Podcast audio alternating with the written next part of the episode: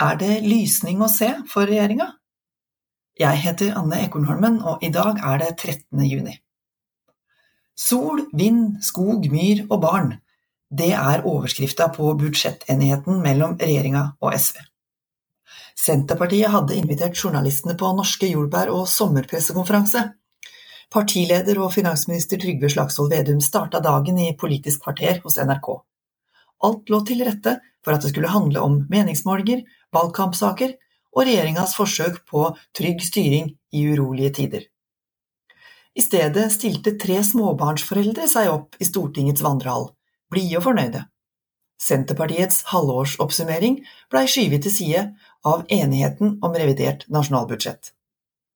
I tre uker har dragkampen mellom regjeringspartiene og SV pågått. Men partienes forhandlingsledere rapporterte at nattesøvna var godt ivaretatt. Vi har vist at det går an å gjøre denne tøffe, men konstruktive jobben på dagtid. Politikere er også foreldre som må hente i barnehagen. En kraftig økning i barnetrygden med hele to milliarder kroner sto øverst på pressemeldinga fra Kari Elisabeth Kaski og SV. Det utgjør 200 kroner i måneden for hvert barn mellom 6 og 18 år, og vil ha betydning for økonomien til barnefamilier over hele landet. Den ytelsen har stått stille i veldig mange år. En varig 10% økning i sosialhjelpssatser er også et viktig gjennomslag for SV. Partiet har nå innfridd som regjeringas budsjettpartner fire ganger, og har i forhandlingene med Eigil Knutsen fra Ap og Geir Pollestad fra Sp ønska å oppnå større, mer betydningsfulle seire i stedet for mange små. Eigil Knutsen satte antagelig tirsdagens rekord i bruk av ordet trygghet, trygghet, trygghet, da han påpekte at sykehus, forsvar og politi skal få sitt i budsjettet, som planlagt i høst. Hovedtrekka fra Ap og Senterpartiets budsjettforslag ligger fast og er ikke endra i møte med SV. De kaller det et ansvarlig budsjettforlik, sjøl om oljepengebruken blir 1,5 milliarder kroner høyere enn i regjeringas opprinnelige utkast.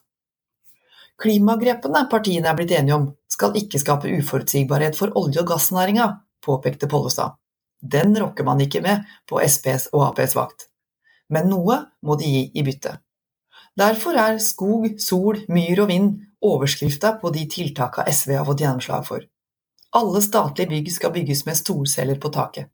En lavthengende frukt som gir økt energiproduksjon uten store konflikter. SV går til valg på at samme krav skal gjelde kommunale bygg. Det evinnelige spørsmålet om skogvern en klassiker i budsjettsammenheng, som Pollestad beskrev det, får sin foreløpige ende her. Denne gangen fikk SV ikke bare stoppa SPs vante kutt, men økt satsinga på frivillig vern av skog med 100 millioner kroner ekstra. Det er dobbelt så mye som SVs Lars Haltbrekken annonserte i Nasjonen at partiet ønska seg. For Sp er det en grei seier å gi SV. Partiet blir gjerne beskyldt for manglende klimapolitikk og miljøhensyn, og må gi der de kan. Derfor blir også forbudet mot nydyrking av myr liggende fast. Det er i tråd med stortingsflertallet. I budsjettenigheten forplikter regjeringa seg også til å presentere ei pakke til høsten med virkemidler som lån, garantier og risikokapital for å sikre grønn omstilling av industrien. Vi skal drive en forutsigbar, men mer aktiv næringspolitikk, lovte Pollestad. I tillegg varsles tiltak i løpet av 2024 for å kutte klimagassutslipp gjennom å elektrifisere oljeinstallasjoner med havvind. Det vil dempe presset på kraftsituasjonen langs kysten, men derimellom er det valg. For SV gir det gode kort på handa inn mot kommune- og fylkestingsvalget å kunne presentere en budsjettenighet med gjenkjennelig SV-politikk. De har riktignok hatt nedadgående trend på nasjonens nasjonale målinger siden mars, men 7,2% oppslutning på fylkesmålinga for juni er 1,2 prosentpoeng bedre enn ved valget i 2019. Kanskje er det også lys å skimte i enden av tunnelen for regjeringspartiene. Nye tall fra Statistisk sentralbyrå viser en nedgang på 0,4 prosent i norsk økonomi. Oppbremsinga kan tyde på at rentehevingene fungerer etter planen. Folk bruker mindre penger.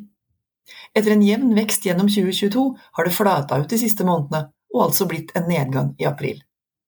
Fortsatt vil mange ha stramme hverdags- og feriebudsjetter, men det gir noe grunn til optimisme for tida framover. En gjennomsnitt av de siste fem ukenes fylkestingsmålinger hos Poll of Polls viser et Senterparti på 8,7% mens siste barometer i Nasjonen målte partiet på 9,4 Arbeiderpartiet ligger på 18,7% oppslutning i snitt, her i Nasjonen på 20,2. Kanskje løsner det litt for ei regjering som hardnakka repeterer budskapet om stø kurs i økonomisk usikre tider. Økende tillit til at Ap og Sp har styringsevne, kan være godt drivstoff for en lang valgkamp. Nå har du hørt Nasjonen på øret. Jeg heter Anne Ekornholmen, og flere kommentarer kan du finne opplest på lyd hos oss på nasjonen.no, eller der du hører dine podkast. Ha en god dag!